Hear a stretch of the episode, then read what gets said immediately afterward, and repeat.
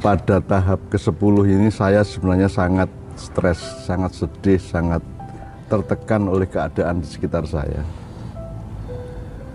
Jadi ini manusia ini gimana sih? Saya saya ngelihat ini mau ada covid mau ada wabah sedunia mau yang mati berjuta-juta. Tapi pantang mundur terus memfitnah terus bertengkar terus hibah terus menista satu sama lain terus bully membuli satu sama lain ada covid nggak ada covid ada wabah mendunia ada gunung meletus nanti akan ada tsunami nanti akan ada akan ada tanah longsor, akan ada gempa, ada macam-macam. Tetap manusia zoluman jahula. Pandir sepandir-pandirnya apa dungu sedungu-dungunya terus melakukan amarah bisu jadi selalu menuruti dorongan-dorongan untuk menciptakan keburukan dan kerusakan di antara mereka nah di puncak saya stres itu kalau saya sebut manusia itu mungkin bisa umat manusia sedunia, bisa bangsa Indonesia, bisa sebagian dari bangsa Indonesia, bisa kelas tertentu, segmen tertentu. Kalau kita kembali ke persentase 10, 80, 10 kemarin ya itu bisa berasal dari 10 yang pertama, bisa dari 10 yang kedua, bisa dari 80. Karena nanti ternyata konstelasinya bisa saja orang dengan kualitas 10 yang kedua, tapi dia berada di di tataran 10 yang pertama atau orang yang punya kualitas 10 pertama ini malah tidak berfungsi apa-apa karena ditaruh di 10 yang terakhir. Nah, yang 80 ini campuran antara 10 yang yang kualitatif dan yang dan 10 yang bawah yang yang yang tukang kisruh itu. Nah, di tengah-tengah itu semua saya didatangi Sabrang tadi pagi dan dia bilang mau mantu. Saya bilang lu gue iki arep mantu sopo dia bilang bukan siapa tapi apa. Lah saya kan punya cucu dua masih kecil-kecil dan tidak mungkin sabrang mantu anaknya maka saya tanya mantu apa? Mantu itu artinya menikahkan atau mengawinkan. Dan dan jawaban sabrang itu sangat merupakan kegembiraan saya apa namanya kebangkitan hati saya dan apa ya rasa syukur saya. Nah, biar Sabrang yang mau dikawinkan oleh Sabrang ternyata adalah ide besar dari stakeholder bangsa Indonesia yang namanya revolusi mental itu dijodohkan dan dikawinkan dengan revolusi akhlak yang kedua-duanya berasal dari puncak kepemimpinan bangsa Indonesia. Yang satu dari dari Amirus Syakbi itu artinya pemimpin suatu bangsa, yang satunya dari Imamul Mujahidin yaitu pemimpin para pejuang. Nah ini ini Sabrang ingin mengawinkan itu sebagai apa sebagai sebagai satu formula perjodohan zaman yang menurut dia sangat bagus dan saya bergembira. Sekarang Sabrang saya mohon menjelaskan mengenai mengawinkan antara re, ide revolusi mental dengan revolusi akhlak. Oke. Okay. Uh, eh, sebenarnya kalau kalimat saya akan mengawinkan itu posisinya terlalu membesarkan saya lah tapi ini kita berandai-andai kalau terjadi perkawinan itu ya. apakah bukan gak... Sabrang atau saya yang mengawinkan tapi uh, pokoknya terjadi perkawinan ya, ya, antara dua ide besar yang dahsyat itu kan gitu. ini kan ada sekarang apa namanya sepertinya ada arus besar uh, yang di, mencoba dibuat sebagai uh, yang disebut sebagai revolusi akhlak itu tadi uh, dianggap sebagai counter dari revolusi mental gitu. Tapi kalau kita melihat latar belakang paling belakang dulu dua-dua apa yang mengusulkan revolusi mental dan yang mengusulkan revolusi akhlak. Ini kan dua-duanya dasarnya ya cinta sama Indonesia ini. Yang satu ngusulin revolusi akhlak satu ngusulin revolusi mental. Udah. Dua-duanya cinta sama Indonesia. Dan kalau kita lihat sifatnya revolusi mental dan revolusi akhlak itu tidak berlawanan juga.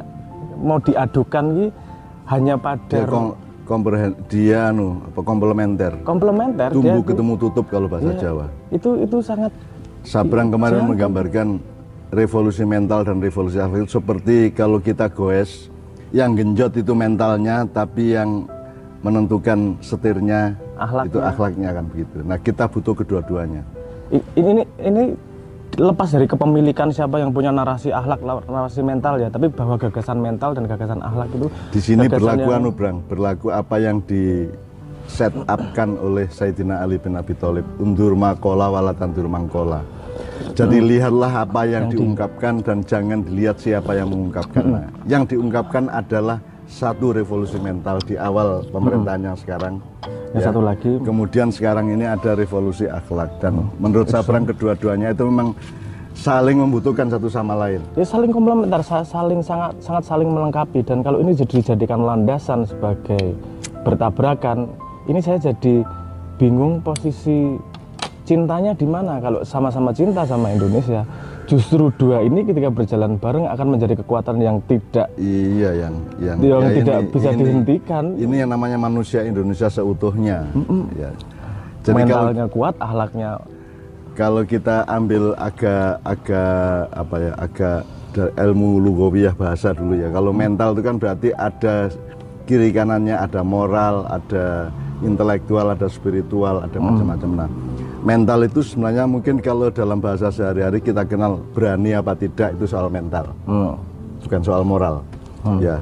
Terus kerja keras apa malas itu mental. Hmm. Ya, kan gitu. Jadi misal jadi jadi kamu mau genjotnya beneran apa enggak?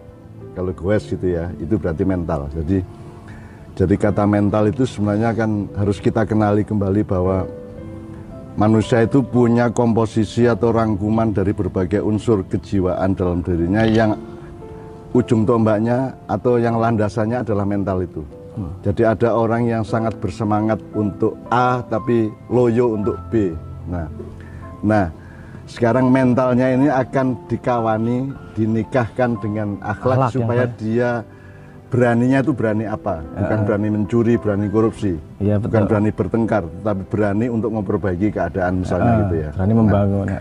Sementara kalau kata akhlak kan dari bahasa Arab, itu kan berarti kan mirip-mirip dengan ada makhluk, ada kholik, ada huluk ya. Jadi akhlak itu kata sifat dari da- kata sifat dari dari makhluk yang dibikin oleh kholik. Gitu. Ah. Jadi ada ada istilah husnul khuluq itu adalah perilaku yang sebaik-baiknya dari makhluk yang diciptakan oleh kholik. Nah akhlak adalah rentangan nilai di mana manusia manusia apa namanya menghitung kemudian mengambil keputusan untuk berperilaku baik ke arah mana urusan apa dan seterusnya. Maka ada akhlakul karimah, akhlak yang mulia dan seterusnya itu. Nah, Jadi, ini perkawinannya akan menghasilkan manusia dengan mental yang sangat kuat tapi untuk perbuatan yang sangat baik. Ini kan perkawinan yang yang menurut saya Ideal, ini ideal. ideal ini hadiah zaman ini. ini itu menurut saya hidayah dari Allah. Itu menurut saya anugerah. Itu betul-betul membuat saya bergembira dan bersyukur kepada Tuhan bahwa kita punya cita-cita lah paling tidak itu. Yang di depan mata dan itu bisa hanya satu langkah bahwa akan ada kerjasama atau komposisi atau koopera- kooperasi antara berlangsungnya mental yang kuat, yang benar, yang tepat, ya yang punya etos macam-macam, kemudian dengan akhlak yang mengarahkannya ke arah yang lebih baik dan mensejahterakan.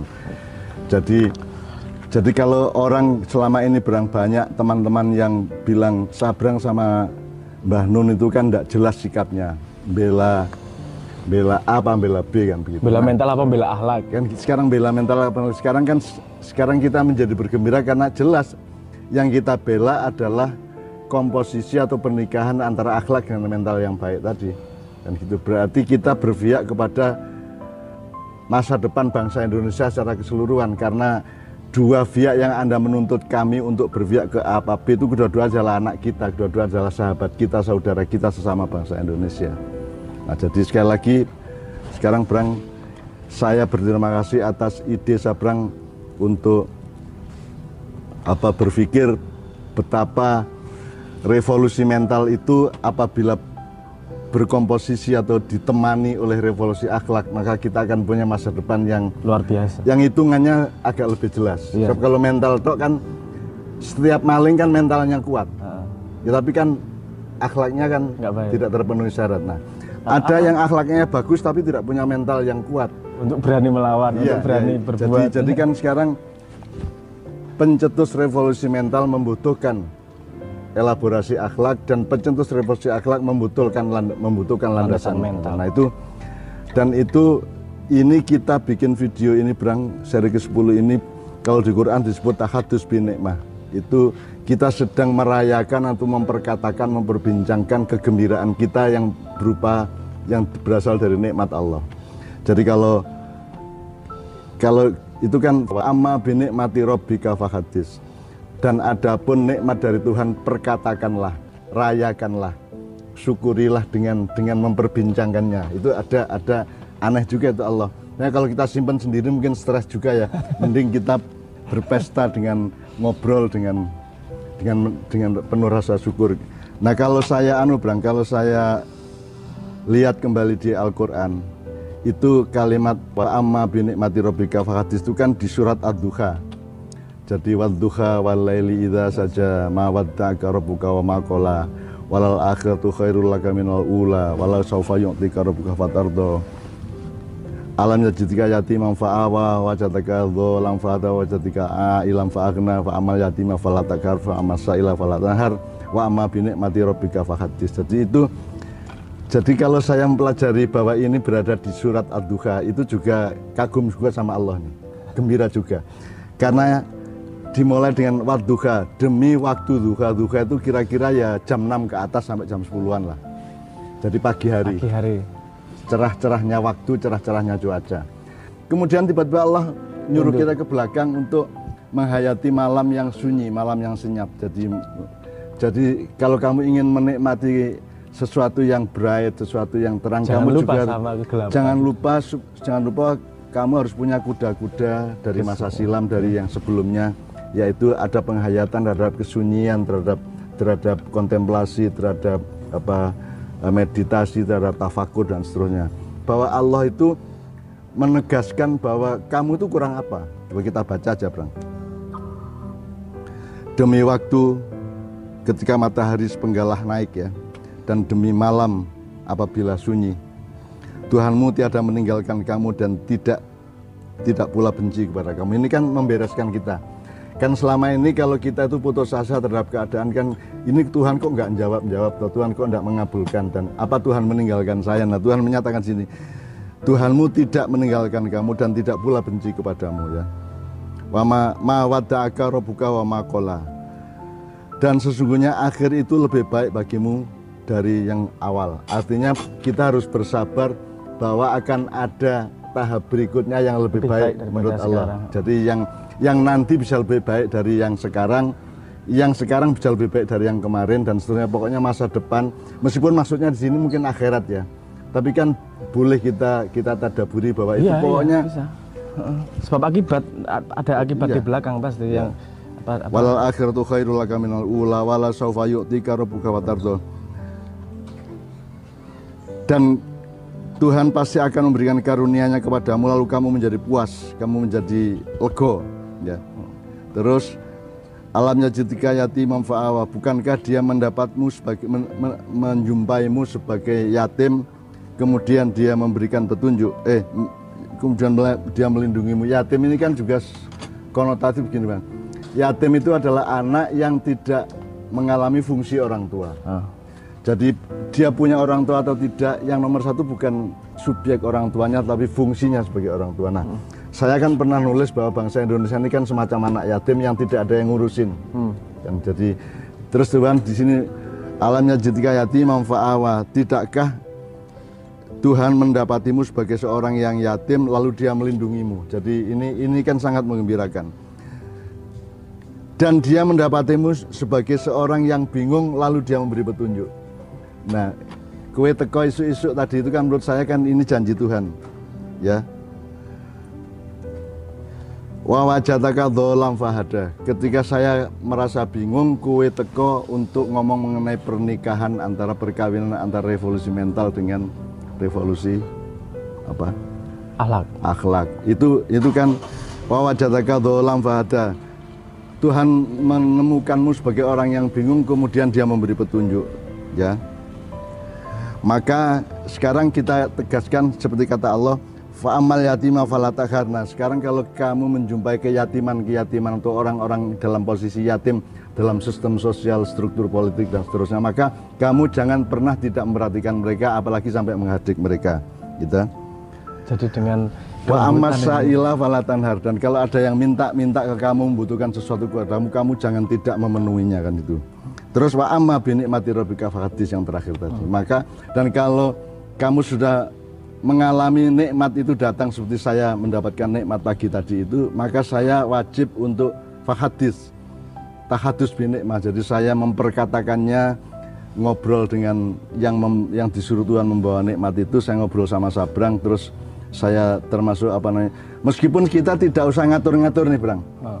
jadi nikahnya revolusi mental sama revolusi akhlak itu kita nggak usah ngatur-ngatur nggak usah menteori-teorikan kita percayakan kepada beliau-beliau kan begitu Iya. karena karena pasti lahirnya adalah dari keprihatinan yang mendalam tentang bangsa Indonesia dari semua pihak dari semua pihak, dari itu. semua pihak. Jadi saya sama semua. Sabrang tidak akan tidak akan menceramai, tidak akan menggurui, tidak akan mengatur-atur gimana ngawininnya, gimana uh, peta masalahnya bagaimana, terus apa metodologinya, gini kita nggak usah ngomong. Yang penting kita bergembira hari ini bahwa bahwa ada petunjuk Allah mengenai pernikahan atau perkawinan antara revolusi mental dengan revolusi akhlak. Alhamdulillah Assalamualaikum warahmatullahi wabarakatuh.